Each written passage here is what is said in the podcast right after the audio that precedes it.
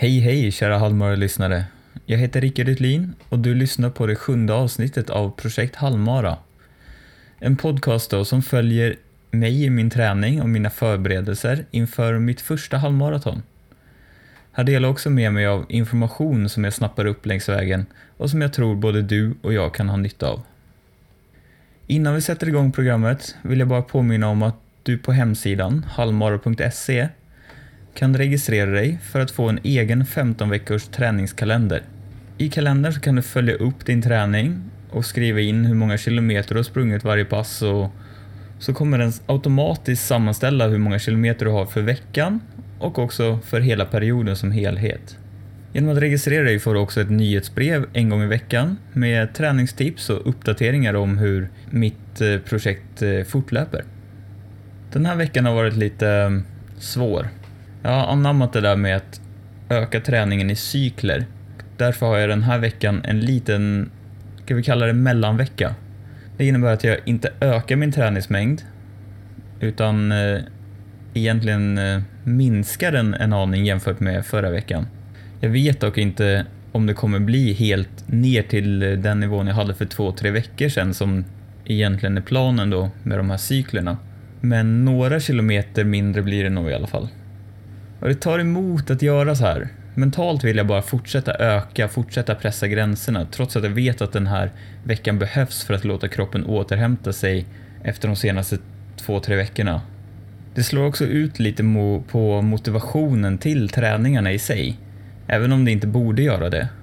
De träningar man genomför under den här viloveckan, inom citationstecken, ska ju vara lika effektiva och bra som alltid varje pass ska vara 100%. Det är bara det att det ska vara kanske 80% av träningsmängden men, men själva träningen ska ju då vara 100%ig. Men det är svårt att inte gå ner lite i motivation också för att jag vet att det kommer krävas mindre av mig den här veckan. Det är lite dumt men det är så det har varit. Som du kanske förstår då så ser jag fram emot nästa vecka och är verkligen laddad på att få öka träningen igen och pressa gränserna och få pressa lungorna ordentligt igen. På det sättet är väl den här veckan väldigt bra för att man blir hungrig och jag känner att jag börjar komma in i den här flytet att träna i alla fall tre pass i veckan och nu kan jag göra det och känna mig hungrig när jag då har en vecka som inte kräver lika mycket av mig. Så rent mentalt har det verkligen vänt och det har varit en utveckling hela sommaren som är, eh, jag ska inte säga oväntad, men eh, helt klart över förväntan ändå.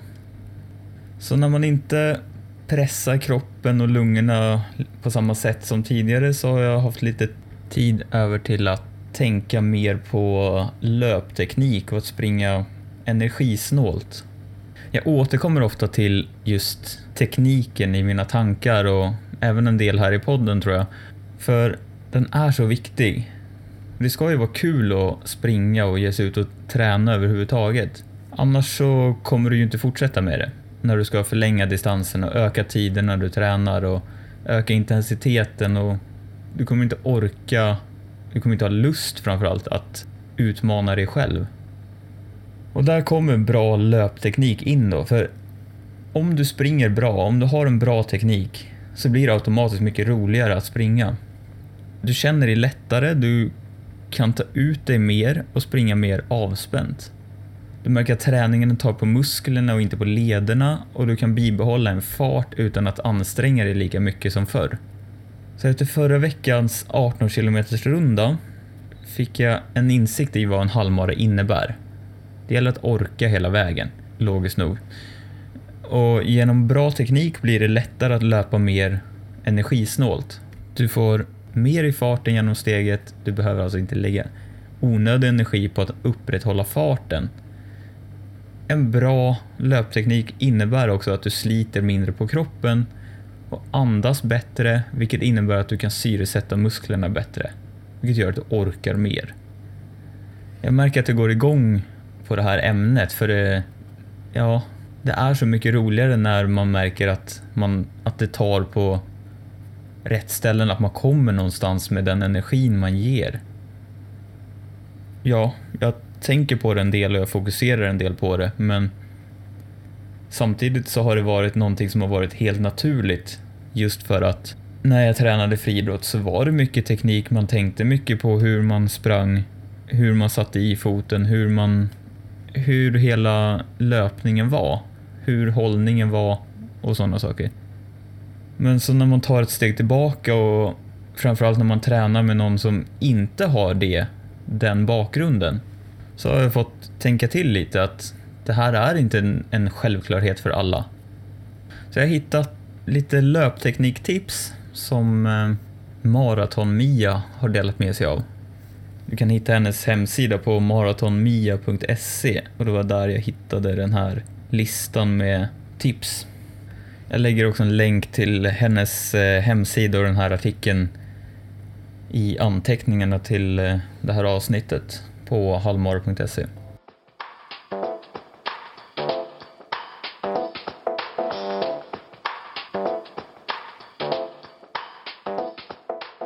Så, låt oss eh, hoppa rakt in i det. Nummer ett är hållningen. Se till att sträcka på dig när du springer. Se till att du får en stolt hållning så att du kan andas och röra dig smidigt. Du kan kolla in dig själv när du passerar ett skyltfönster eller be någon filma dig när du är ute och springer. Och ett annat trick är också att tänka på att ha öronen rakt över axlarna. Då hamnar du automatiskt i rätt läge. Och var stolt. Var stolt över att du är ute och tränar. Rikta ditt fokus framåt, se till att fötter och knän pekar framåt. Den rörelsen ska också följas av armarna. Där är det vanligt att många kör lite boxningsstilen och pendlar med armarna i sidled och lite framför sig. Det tar onödig energi och eh, flyttar rörelsekraften i sidled istället för framåt. Det är ju inte hit och dit du springer utan du ska ju faktiskt framåt. Ett tips för att få armarna rätt enligt Mia är att göra tummen upp. För då får du rätt pendelrörelse i armarna. Och med rätt rörelse i armarna så får du också mer i farten. Du får mer i kraften och det blir lättare att springa. Får du in det så blir det lättare att springa. Del två är andningen. Andningen är ju A och O när det gäller träning och löpning. Genom att andas på ett bra sätt så blir träningen genast lättare att genomföra. En bra hållning hjälper andningen på traven. Du kan tänka dig att du har som en syreslang genom kroppen som inte får vikas. Se till att öppna upp bröstkorgen genom att slappna av i axlarna och skjut dem lite bakåt. Och när du flåsar ordentligt kan det kännas som att luften inte räcker till och du vill ha in luft så snabbt som möjligt. Men istället för att liksom tänka på att få in det så fort som möjligt så tänk på att tömma lungorna på luft för att därpå kunna ta in mer luft. Tänk på detta när du springer till exempel en uppförsbacke och vill återhämta dig så fort som möjligt. Och det finns lite olika andningstekniker med det där. En variant är nämligen 2-7-metoden. Den innebär att du andas in på två steg och andas ut på sju steg. Personligen har jag inte prövat det här. Jag har ingen erfarenhet från det, men eh, rent spontant låter sju steg ganska mycket. Men eh, man kan ju alltid pröva. Försök hitta rytmen i steget och andningen när du springer så kommer du in i ett flow och orkar längre och hitta ett komfortabelt tempo som du är bekväm med. Du får öka lite och laborera en del för att hitta den rytm som passar dig bäst.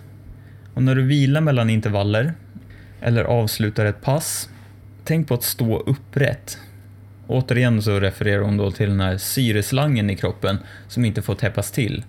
Det är vanligt att man böjer sig framåt och krummar ihop sig, men istället så ska du göra då tvärtom och sträcka på dig så att du hjälper lungorna ta in så mycket luft som möjligt. Del 3 är fotisättningen.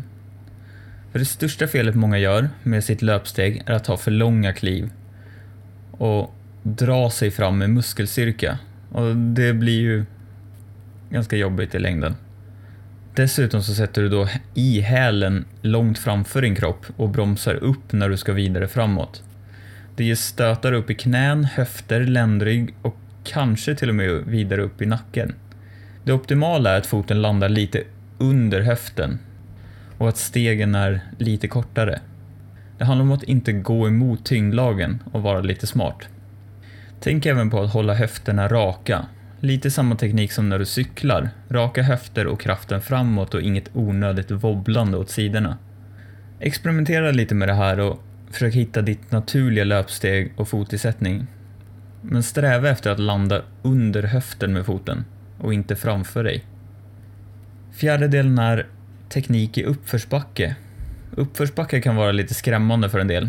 Vissa som eh, Therese Johaug älskar dem, men de flesta av oss dödliga har viss respekt för dessa stigningar. Ett vanligt fel är att öka takten innan backen, öka steglängden och dra sig upp med muskelkraft. Då. Dessutom är det lätt att krumma ihop sig och göra sig så lite som möjligt. Men tillbaka då till hållningen. Gör tvärtom. Sträck på dig, öppna upp bröstkorgen och se till att du får in syre till lungorna. Slappna av i axlarna och ta några djupa andetag innan backen börjar. Och korta av stegen lite och låt kraften komma från höft och behåll din upprätta hållning. Hjälp till med armarna genom att låta dem pendla fram och tillbaka med lite mer kraft än när du springer på planmark. Så lägg in ett par backintervaller då och då. Det är väldigt tungt, men eh, det ger ett fint löpsteg och eh, bra kondition. Och femte delen är teknik i nedförsbacke. För att springa nerför är inte det lättaste. Och ju äldre man blir desto mer rädd i steget blir man. Den vanligaste tekniken när man springer nerför är väl att man lutar sig bakåt, sätter i hälen framför sig och bromsar farten. Men du kan också utnyttja gravitationen och lutningen. När du springer utför bör du fortfarande försöka sätta i foten under höften.